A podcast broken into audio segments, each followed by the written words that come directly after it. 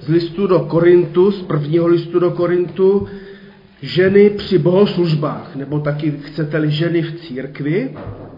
Nemohl jsem si nespomenout na film Mazaný Filip, kde jedna z postav říká, že s ženami je prostě globální problém. Tak on ten problém byl už tehda, ale uvidíme jaký. My máme jiný a my muži máme hlavně problém sami se sebou. Mám pocit, že to jsou dost často naše mindráky vedle vás žen, tak to jenom předesílám, aby bylo jasno. Ale vybral jsem eh, a přetiskl jsem vám ten text z Bible, z první Korinským z 11. kapitoly a budeme tam číst 2. až 12. verš. Vy si pak můžete doma z pělnosti dočíst s první Korinským 14, 33 až 38, protože tam je ještě taky zmínka o ženách v církvi. Takže čtěme první Korinským 11 od druhého verše. Chválím vás, že si mne stále připomínáte a držíte se tradice, kterou jste ode mne přijali. Rád bych, abyste si uvědomili, že hlavou každého muže je Kristus, hlavou ženy muž a hlavou Krista je Bůh. Každý muž, který se modlí nebo prorocky mluví s pokrytou hlavou, zneuctívá toho, kdo je mu hlavou. A každá žena, která se modlí nebo prorocky mluví s nezahalenou hlavou, zneuctívá toho, kdo je její hlavou. Je to jedno a to též, jako kdyby byla ostříhaná. Jestliže si žena nezahaluje hlavu, ať se už také ostříhá. Je-li však pro ženu potupné dát se ostříhat nebo oholit, ať se zahaluje. Muž si nemá zahalovat hlavu, protože je obrazem a odleskem slávy boží, kdežto žena je odleskem slávy mužovi. Vždyť muž není z ženy, nejbrž žena z muže. Muž přece nebyl stvořen pro ženu, ale žena pro muže. Proto má žena mít na hlavě znamení moci kvůli andělům.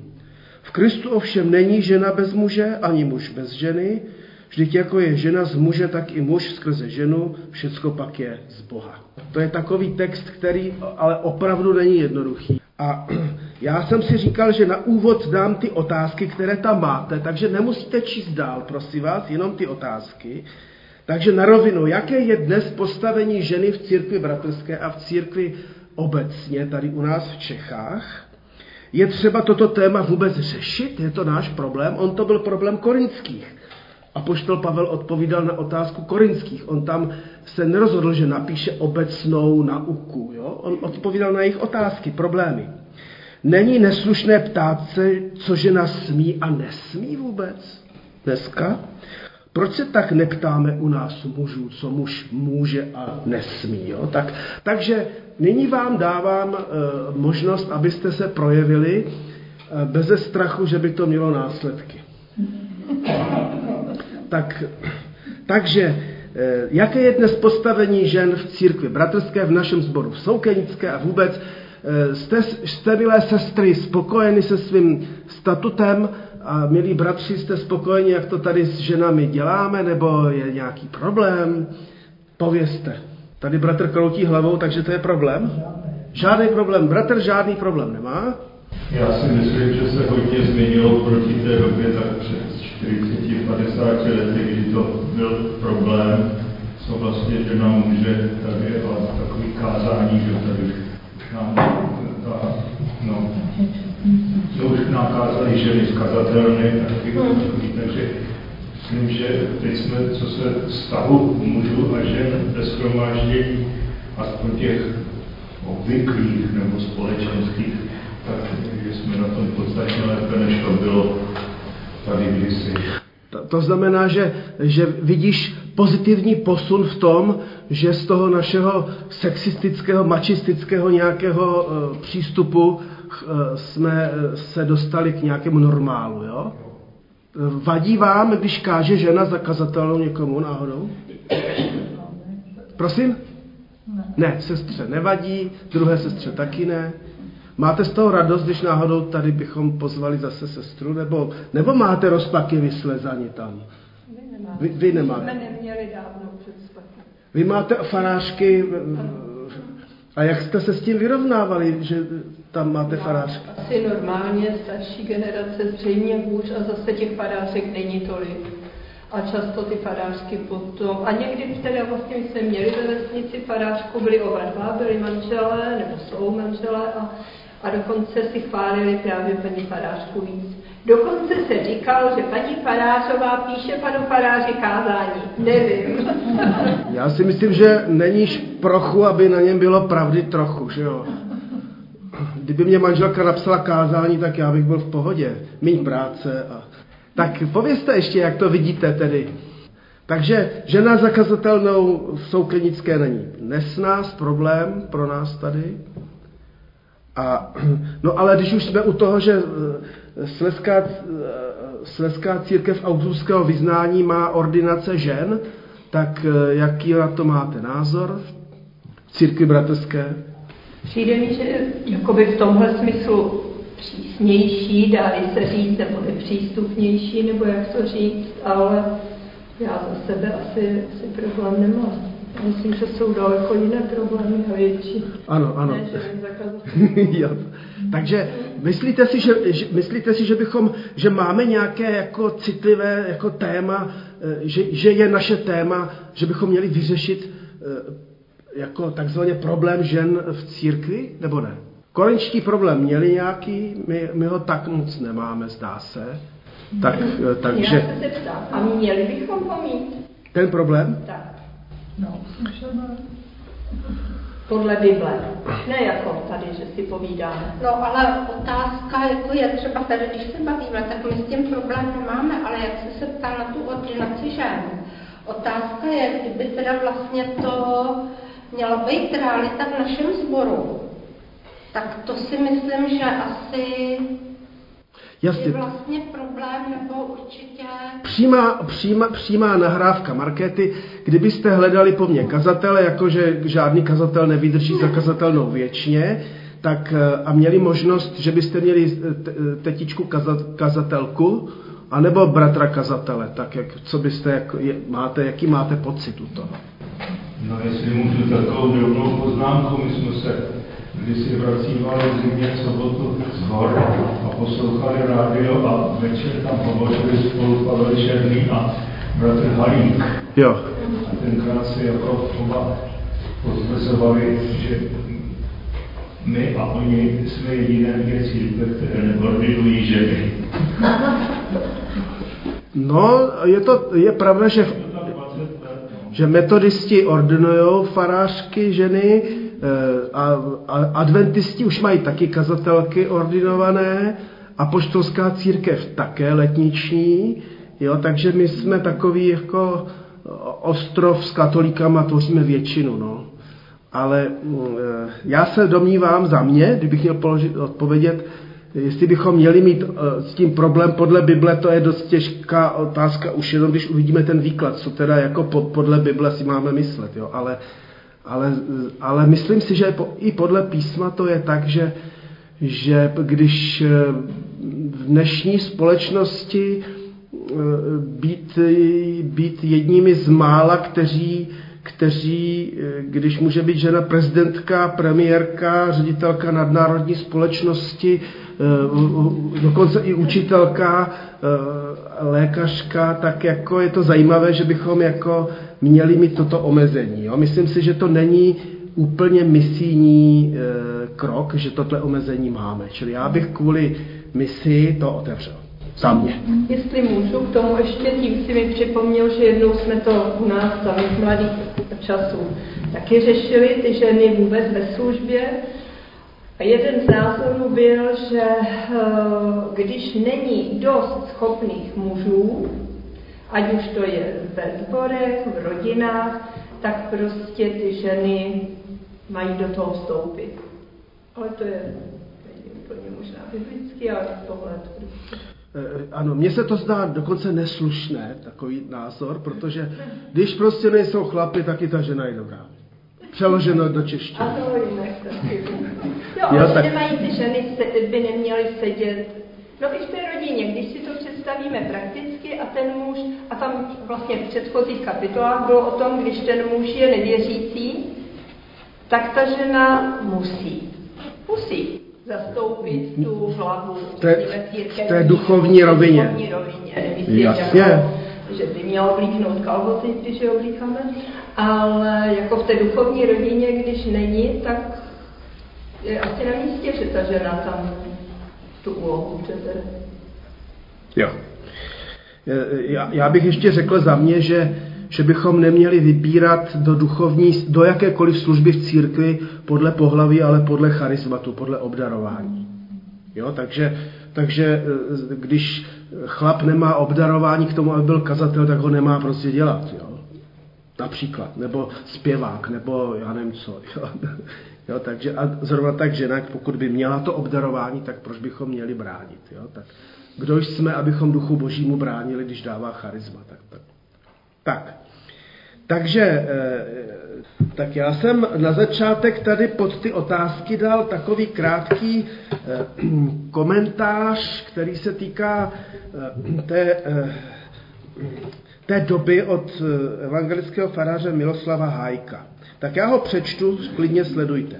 Vstoupíme-li do apoštolovy doby, tedy do té doby, jak ty ženy se nemají ostříhat, že jo, nevím, co se kadeřnice na to řekne.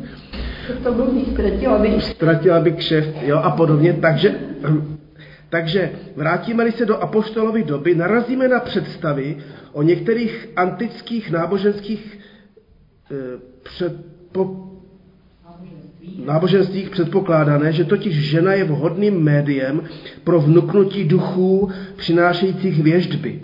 Tito duchové jsou chápáni jako mužské bytosti a lidské ženy jsou pro ně žádoucí.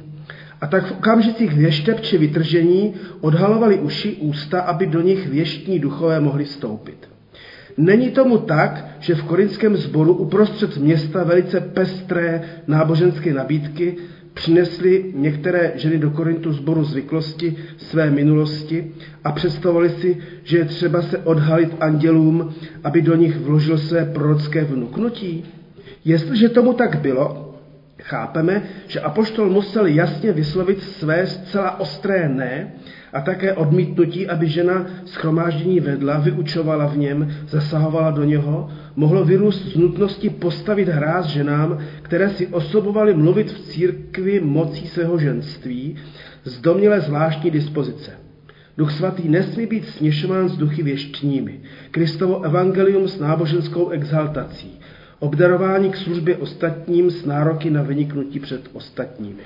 Tak to je takový, na, takový jako, taková poznámka, jakýsi, jakýsi vhled, vhled do tehdejší doby a uh, vykladač Hájek samozřejmě si tam klade otázky, jo?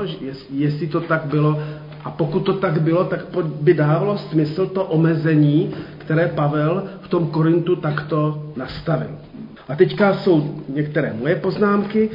Tím druhým veršem 11. kapitoly, a já ho znovu připomenu, chválím vás, že si mne stále připomínáte a držíte se tradice, kterou jste ode mne přijali. Takže druhým veršem 11. kapitoly začíná poměrně dlouhý oddíl týkající se v první korinským řádu při bohoslužbách. Takže to je jenom takový kousek.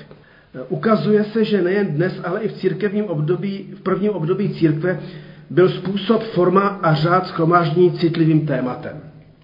I když jsme byli na zborové dovolené, tak si možná vzpomenete, kdo jste tam byli, že ty rozhovory a diskuze o bohoslužbách byly nej, nej, nejvíc jako bohaté. Jo? Vždy se střetávaly proudy svobodných, svobodomyslných radikálů s umírněnými tradicionalisty nebo i neumírněnými. Zdá se, že Pavel, ač měl tak svobodný názor, co se týká jídla vepřového nebo králičího a podobně, co by židé nikdy nejedli, tak v otázkách uspořádání schromáždění byl, co se týká korinských, velmi jaksi jako přísný nebo striktní. A měl k tomu své důvody a zdá se dost pravděpodobné, aspoň podle mě, že ty důvody se opravdu týkaly těch způsobů kulturních, které tam v tom městě Korintu zkrátka a náboženských byly. Oddíl písma, který máme před sebou, je určitě ale pobuřující pro nás a pro naše uši dnes. Zdá se, že diskriminuje ženy a ubírá jim práva, na které jsme my dnes naprosto jasně zvyklí. Představa, že bych dneska takto to prosazoval, tak si nejsem jistý, jak dlouho bych vydržel zakazatelnou, jo, popravdě řečeno. V tom je potíž. Při čtení dnešního textu se jednoznačně střetávají dvě odlišné kultury. Dělí nás časová vzdálenost i ta kulturní. Možná více než jinde se v našem novozákonním textu musíme proto vypořádávat s realitou, že Bible, konkrétně i první list do Korintu, byl psán v tehdejší době na jejich otázky, které my dneska prostě už takové jenom nemáme, pokud si je ovšem nebudeme chtít ty otázky jako e, přivlastnit. Jo? A ty otázky chtěly specifické odpovědi a Pavel jim je dával a dával jim je dobře samozřejmě. Přesto je teda ale to slovo pro nás určitě zajímavé, užitečné, vyučující. A myslím si, že můžeme zaslechnout ten hlas tichý a jemný.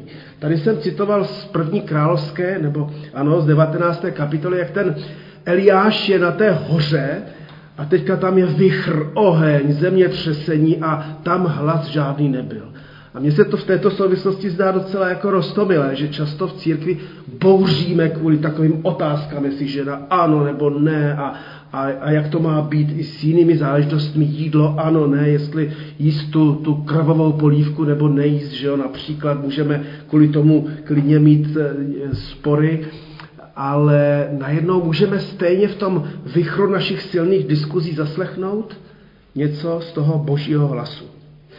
Můžeme si uvědomit naši situaci, naše zvyklosti, obyčeje, můžeme si povědět, co je pro nás důležité, které pořádky chceme držet, naopak, které chceme pustit. A na to všechno, a to je velmi důležitá otázka, a s tím související, si musíme klást otázku, co je tedy pro nás Bible.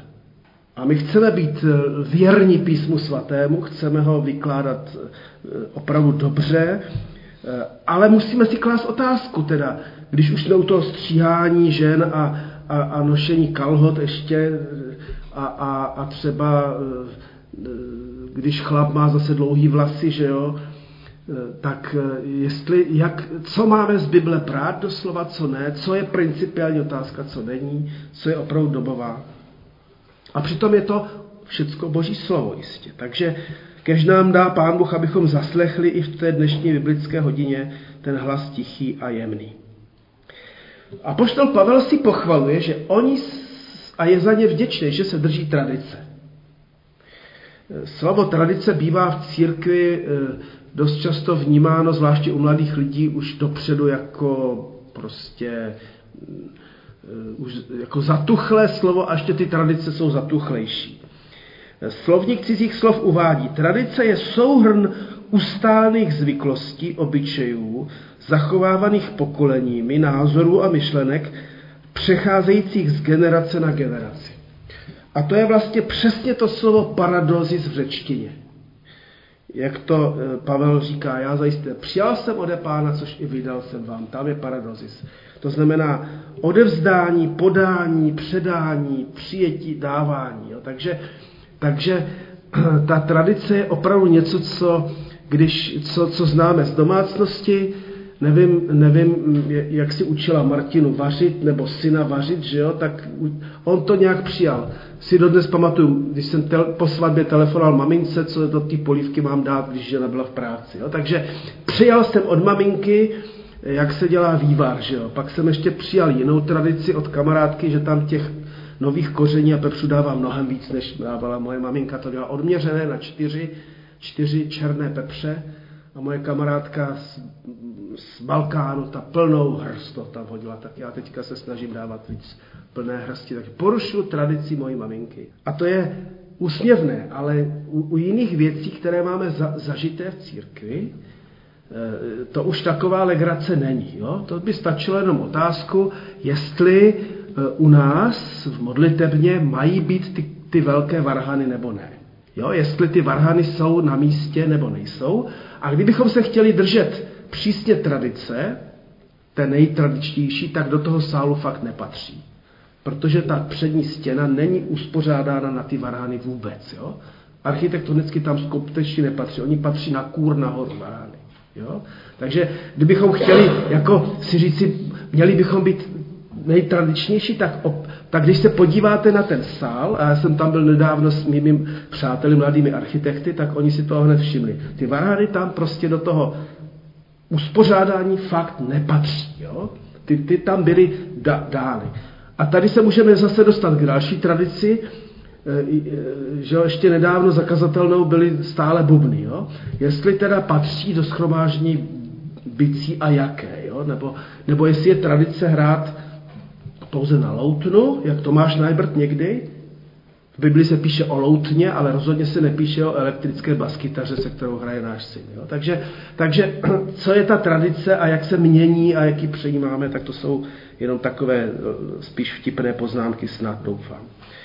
Víme, že Pavel dvakrát uvedl v prvním listě do Korintu formulaci já zajisté přijal jsem ode pána, což ji vydal jsem vám. Zde se střetáváme s jádrem křesťanské tradice u té večeře páně a u toho učení o skříšení. Tam se jedná o dogma. Dnes přemýšlíme nad písmem eh, a tradicí, která se sice nedotýká samotného jádra Evangelia, ale zdá se pro Pavla stejně důležitá. Jak se mají chovat ve schromáždění muži a ženy? Podobně jako Pavel při tehdejší tradici a mravní konvenci přijali jsme i my od našich dávných současníků předků svou tradici. To znamená, Pepa nás upozornil na to před 40-50 lety, ta tradice, kterou jste přijali v rámci sboru, byla prostě jiná, než, než, než je dnes už. Jo? Nějak se ta tradice posunula, co se týká chápání služby, služby žen v církvi a, a, a podobně. Jo? Takže v Brně si nepamatuju, že by ženy přisluhovaly při večeři páně. Nevím, vůbec tam nebyly ani ve staršostu. Jo, absolutně. Ta tradice to... A ty ženy tu tradici tak akceptovaly, že ani nekandidovaly. Že pro ně to byla demarkační čára. Ale udělali si sesterský odbor. Udělali si sesterský odbor a kdo ví, co tam všechno rozhodli. Ale tady to dlouho bylo taky takže ani ženy vlastně nebyly ani ve. Ano, tak jenom, ale tady vidíme, jak se to, jak se to posunulo. A říkám, i když člověk eh, šel za některýma ženama, tak z toho důvodu, že mají to přesvědčení, že žena nepatří do staršovstva, tak kandidaturu nepřijal. Takže volební, volební komise měla ještě eh, letos problém, protože ženy to bojkotovaly kvůli svému ženství. Jinak, jestli můžu, tady je v archivu fotografie ženského odboru křesťanského spolku mladíků. Jsou tam, jeden, naši, asi osm sester, mimo jiný taky sestra Zdychincová, pak sestra Vacková, tady postava. A byl to ženský odbor křesťanského spolku mladíků ve 30. letech. Ano. Ale mohli bychom říct, ano, to bylo staršostvo plné mužů, testosteronu, a pak tady byl ženský odbor, že jo? A podobně jako u vás na Slesku, na jedné straně seděli muži a na druhé ženy. To ještě pamatuješ nebo ne? To ne. To je, a to já ještě, my ještě, když jsme navštívili eh, v Hrádku, eh, v Slesku zbor v 80. letech, tak tam ještě jenom na galerii se to zvrhlo, že seděli muži i ženy dohromady. Jo? Tak u nás od dítěte ne a myslím si, že dávno ne, protože ale ještě byly staré lavice a byla zase byla ta tradice, jak u Židů, že byly tabulky se jménama ano. rodin, tudíž z toho předpokládám, že jsme tam seděli, jako nebo babička, děda, že tam seděli všichni, že neseděla babička. Od vždycky, ano, ano, a v, ale v synagoze, že jo, ženy mají vyhraženou část pro ženy v synagogách a tady nám vykládala v nějaké té liberální synagoze pražské, nám ta průvodkyně vykládala moc hezký důvod, proč ženy jsou na galerii a muži dole.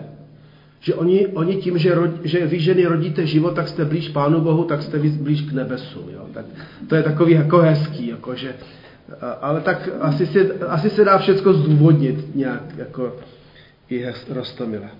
Takže hovořme pokojně o tom, jak a k čemu jsme byli vychováni, k jakému způsobu oblékání, humoru, kultuře a tak dále, protože my máme taky prostě svoji tradici a je dobře si tady uvědomit v souvislosti s, touto, s tímto textem, že to je tradice pohyblivá vlastně, jo? Že, že, se, že proměnlivá. Takže, když bych to tak řekl, kdo ví z nás, kde Soukenická v této otázce bude za 20, 30, 40 let. Jo? Když už se nám to posunulo tak daleko, že ženy jsou ve staršostvu, tak kdo ví, jestli za 40 let nebude správce sboru žena. To nikdo neví. Není to ani naplánováno v nebesích, to je jenom, že ta kultura se mění a někdy i kultura sboru dost výrazně. Před 60 lety bych asi byl za to kázněn, co tady říkám.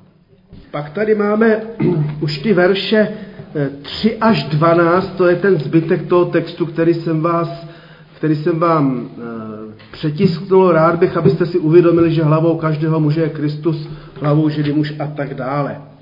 V poměrně složité argumentaci apoštola Pavla se můžeme zachytit u veršů 11 a 12, a to bych přečetl. V Kristu ovšem není žena bez muže ani muž bez ženy, vždyť jako je žena z muže, tak i muž skrze ženu, všecko pak je z Boha.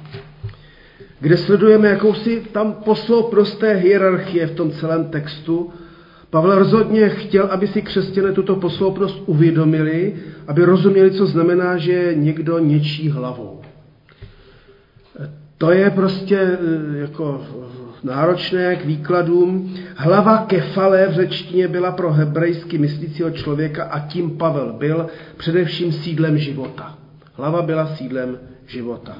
Když si nás vyučoval na přednášce Pavel Hošek, že si zase řekové mysleli, že hlava je prostě, že tam se tvoří hleny, jo? že o mozku vůbec nevěděli. No. Srdce pak sídlem rozumu a vůle. Takže oni měli dojem, že srdce je místo s rozumu a vůle a hlava symbolem života. Hlava tedy byla synonym, synonymem pro život, proto se také při různých příležitostech skládají ruce na hlavu. Jo, takže když klečí novomanželé a kazatel faráři vkládá ruce na hlavu, tak vlastně žehná jejich životu. Jo? Takže je dobře si vlastně uvědomit, že ta tradice má nějaký význam. Eh, který jsme přejali a možná jsme už zapomněli, proč teda na hlavu. Jo? Že v přeneseném smyslu slova hlava znamenala vůdce a autoritu, odhalená či oholená hlava tak činili v korinském prostředí prostitutky, že nenosili šátek, znamenala vyjádření smutku či projevu nazorejského znečištění, anebo, eh, nebo prostě i jiných věcí. Víte, že nazorejci oddělení pro hospodina, jako byl, jako byl Jan Křtitel nebo, nebo, nebo Silák s, s, Samson, tak se nesměli stříhat. Jo? Stejně taky oholená hlava znamenala boží soud. Jo? Když se někdo oholil hlavu, taky výraz, někdy i pokání to byl a, a znamení teda, že nade mnou je boží soud. Je-li Kristus hlavou církve, pak je nejenom vůdcem, ale především samotným životem církve. Možná, že to je dobré si taky takhle jako povědět. Je-li Bůh hlavou Krista, pak to jednoznačně ukazuje na spojitost Otce a Syna. Promýšlíme-li pak vztah Boha Otce a Boha Syna, pak nám, to, pak nám to může pomoci k domýšlení vztahu muže a ženy, kteří jedno jsou. Všecko pak je z Boha. To znamená, když bych to měl snad i pro sebe říct rozu, srozumitelně, abych tomu sám rozuměl, pokud bychom vycházeli ze vztahu nebeského Otce a nebeského Syna, kde není disharmonie, kde kde je komunikace, kde je prostě jednota, kdo vidím, nevidí otce, říká pán Ježíš, tak vlastně tam není vůbec žádný problém, jestli někdo je hlavou, tedy tím životem, nebo autoritou, jak to říct, jako eh, ještě jinak. A tam kde, tam, kde naopak je hřích a zlo a, a ďábel se chtěl postavit na rovinu Boha, že jo, tak najednou mu vadila boží autorita. Najednou, a, a ta autorita eh, se musela prosadit, že jo, byl svržen eh, z nebe, že jo, jak čte, zpíváme v jedné písničce. Tak a eh, od, když bych zmínil ten čtvrtý verš, Každý muž, který se modlí nebo prorocky mluví s pokrytou hlavou, zneuctívá toho, kdo je mu hlavou. Každá žena, která se modlí nebo prorocky mluví s nezahalenou hlavou, zneuctívá toho, kdo je jí hlavou a tak dále.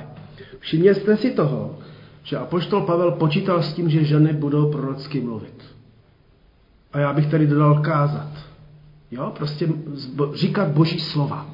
Jo, boží zjevení. Jo. Akorát on to tady koriguje, tou přijatelnou jejich kulturou, tedy muž, jak muž prostě eh, je na tom kulturně jinak, žena má mít zahlednou hlavu, muž odhalenou.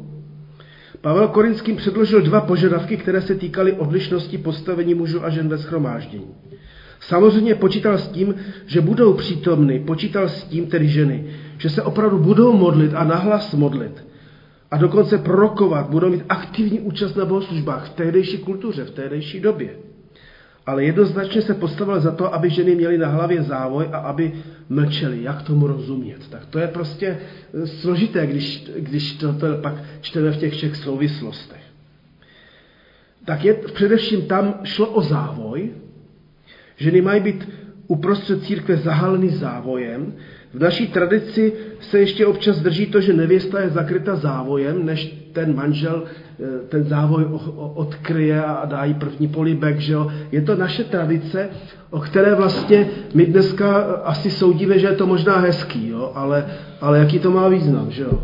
vlastně. Jo? Že, že často držíme nějaké způsoby, které jsou třeba pro někoho krásné, nebo zajímavé, nebo hezké, ale, ale k čemu to vlastně je. Nevěst, Židé to velmi dobře věděli, že kdy, kdy, kdy ten Eliezer přivedl pro, pro Izáka nevěstu, tak když slezla z velblouda, tak se zakryla závojem. Že A, a dodnes mají židé svadební rituál, že, že ten muž má odkryt tu, tu, ten závoj té nevěsty, protože, protože hold Jákob dopadl na to docela jako špatně, když, když jako zjistil, že jeho manželka není jeho manželka, je úplně jiná žena a vlastně mu patří, tak to byl takový chaos. Že? Takže, takže některé, některé zvyklosti, tradice měly svůj význam a my je opakujeme a už nevíme, jak nás učil profesor Jan Sokol, proč muži přenášejí ženu přes práh. Když se ožení, že jo, tak byla tradice, že ji vzal do náruče a přinesl přes práh. Což vám manželka vysvětlí, proč si to pamatuje lepší než já. Protože pod práh se pohřbívali předkové, kteří ten dům ochraňovali v podobě nějakých duchů toho domu.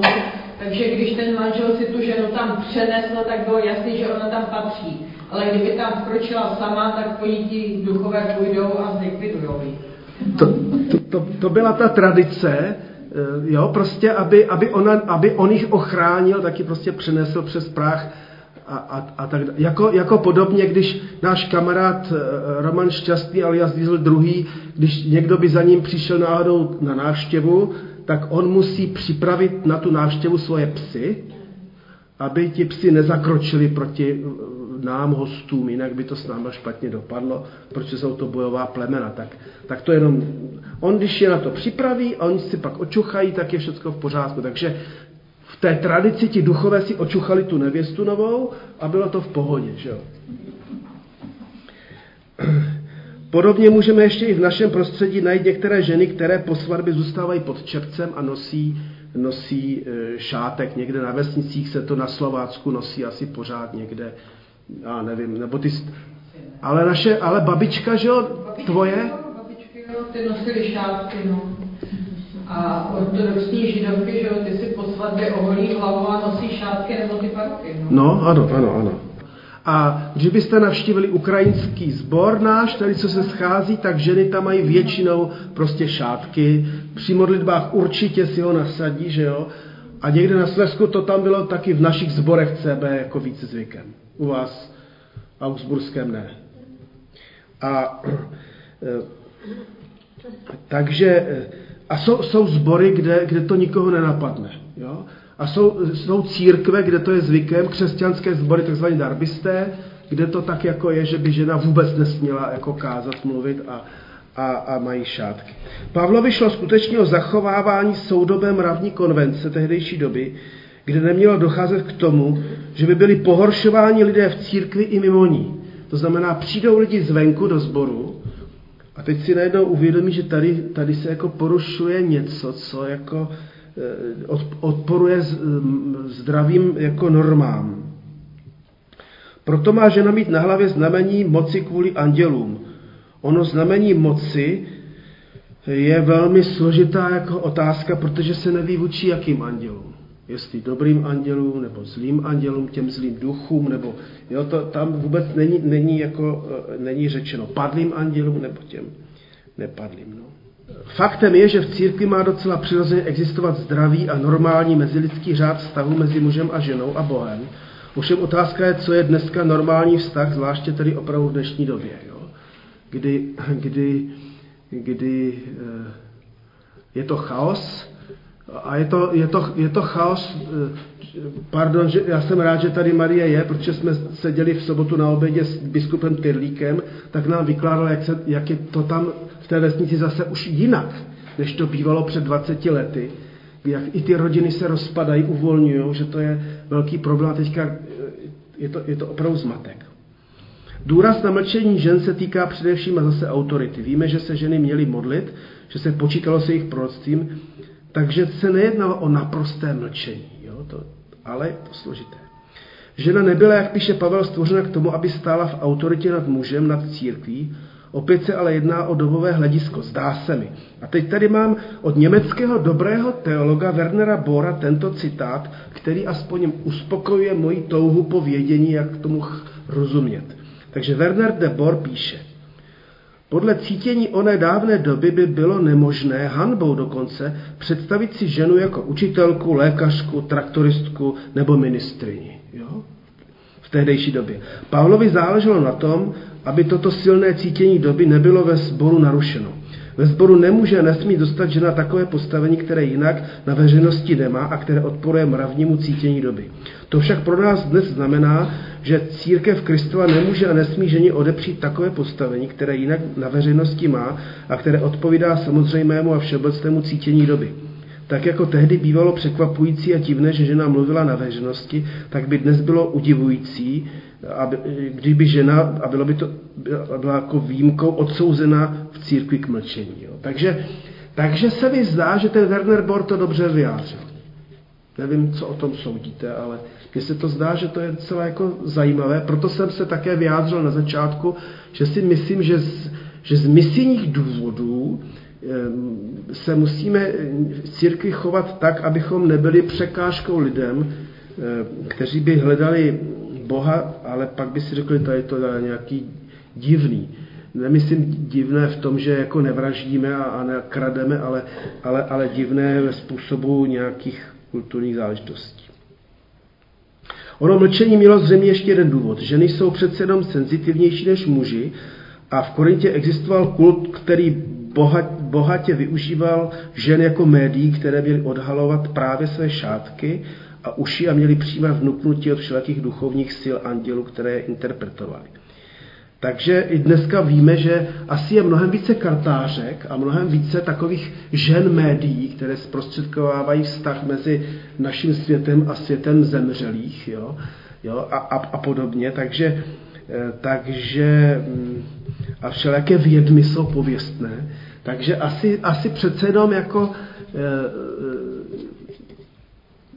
to, byl, to mohl být taky důvod, proč Apoštol tak jako výrazně se v této věci zasazoval. Tak a pak tady mám ještě s první korinským, já jsem tady napsal 13 až 16, ale patří tam ještě předtím 11. kapitola. Pavel tam na závěr píše, posuďte to sami. Sluší se, aby se žena k Bohu modlila s nezahalenou hlavou, což pak vás sama příroda neučí, že pro muže jsou dlouhé vlasy hanbou, když to pro ženu ctí. Vlasy jsou jí totiž dány jako závoj. Chci-li někdo umíněně na tom trvat, tomu říkám, není to obyčejem ani u nás, ani v ostatních církvích božích. Jo? Tak to byl obyčej tehdejší doby a tehdejší kultury, který my dneska už nemáme. A tady je to zajímavé. Tam používá výrazu fyzis, tedy příroda, přirozenost, životní řád. Je známe, co Pavel tvrdí, že lidé zaměnili přirozený, přírodu daný pohlavní styk za styk homosexuální, jak tam kritizuje eh, tu homosexualitu v, první, v Římanu v první kapitole. Pro Pavla bylo přirozené, přírodou dané samozřejmě, že žena nosí dlouhé vlasy a muži krátké. To je zajímavá jako souvislost e, textová, že se tady odvolává na jakousi přírodní přirozenost, jo? jako řád stvoření. Zajímavé, že Pavel od, se odvolal na řád přírody a nikoli na boží přikázání v tomto případě. Jo? Apeluje tak na zdravý rozum, co se týká vlasů, jde ale mnohem více o kulturní záležitost, než o nějakou danost přírody. Mám za to já teda. No ale všecko vrcholí v Kristu ani muž, ani žena. Podřízenost žen mužům v Bibli neznamená podřazenost ženy vůči mužům. Říká vykladač Jebe Souček. Ta podřízenost není podřazenost. Jak nás to učil Pavel Hošek, že žena tady není od toho, aby dělala ty méně kvalifikované práce, na které, které, na které se, ke kterým se mužům nechce, jo, například. Jo. Všichni jsme přece v Kristu nové stvoření a jde o to Kristu zůstávat. Pokojné a pokorné přijetí své role vede k osobnímu i zborovému růstu. Všimníme si toho, že Pavel se nebál opět mluvit o tradici, o zvyklostech, obyčejích. Nebál se opřít v určitou chvíli o a situaci rozhodně ne vždy o autoritu většiny a autoritu zvyku. Tak i to je zajímavé, že asi to je taky přirozené a normální, že, že si řekneme, no u nás v církvi to chodí tak, jo, a máme to, ale musíme to mít zdůvodněné. Jo, jako, jako zvyklost, která není zdůvodněná, už prostě ztratila svůj smysl. Jo. A to si myslím, že je možná jako závěr dnešní biblické hodiny. Měli bychom vědět, proč, co a jak ve sboru děláme. Jo? A, a, a proč se tak chováme a, a proč ty naše zvyklosti jsou takové, které jsou opřené o písmo proto a proto, nebo o tradici sboru a církve a proč tu tradici měníme a tak. Takže, takže nakonec nám nezbyl, než se ještě i modlit za Ducha Svatého, aby nás tom všem provedl nějak.